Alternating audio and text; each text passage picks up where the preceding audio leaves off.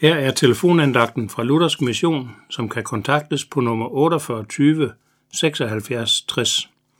Mit navn er Flemming Jeppesen. Håbets Gud fylde jer med al glæde og fred i troen.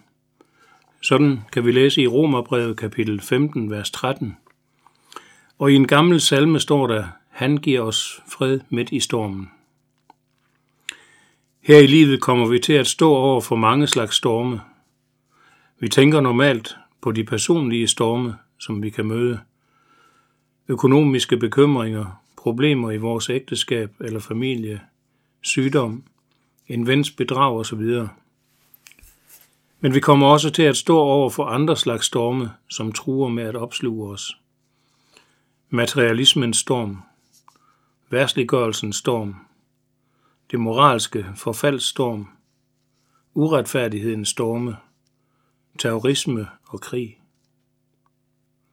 Vi husker den voldsomme storm, som ramte Jesus og hans disciple en nat på Genesarets sø. Hans disciple blev grebet af panik, men Jesus blev ved med at sove trygt. Han havde fred, fordi han vidste, at Gud havde kontrollen. Han havde fred, fordi han var herre over stormen, og han vidste, at den ville lægge sig, når han sagde, ti og vær stille. Hans ord beroliger stadig uroen i vores liv.